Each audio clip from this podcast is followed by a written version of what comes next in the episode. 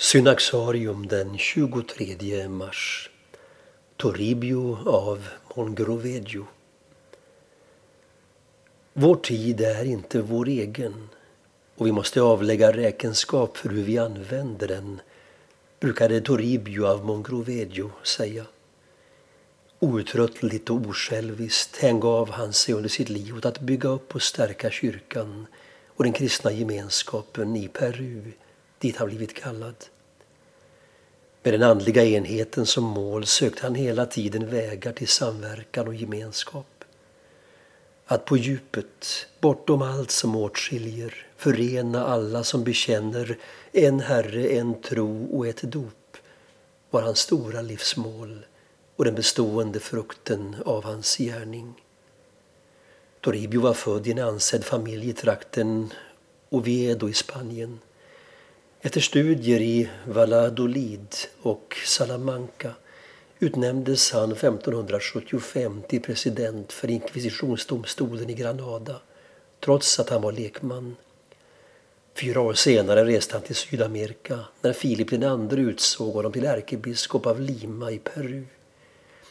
År 1581 landsteg han i Paita, hundra mil från Lima och under sin vandring dit döpte och undervisade han människor överallt dit han kom.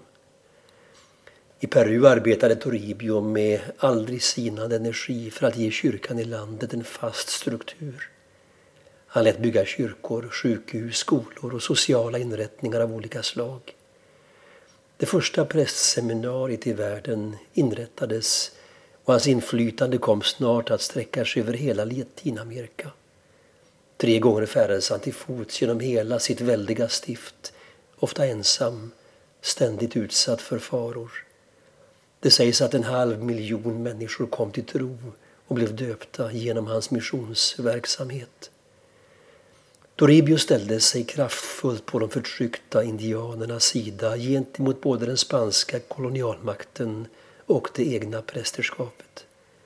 Han lärde sig flera indianska språk och hävdade med kraft indianernas rättigheter, något som väckte irritation och motstånd. Sina visitationsresor genomförde han effektivt trots alla svårigheter att ta sig fram i terrängen och det var under en sådan resa som han dog.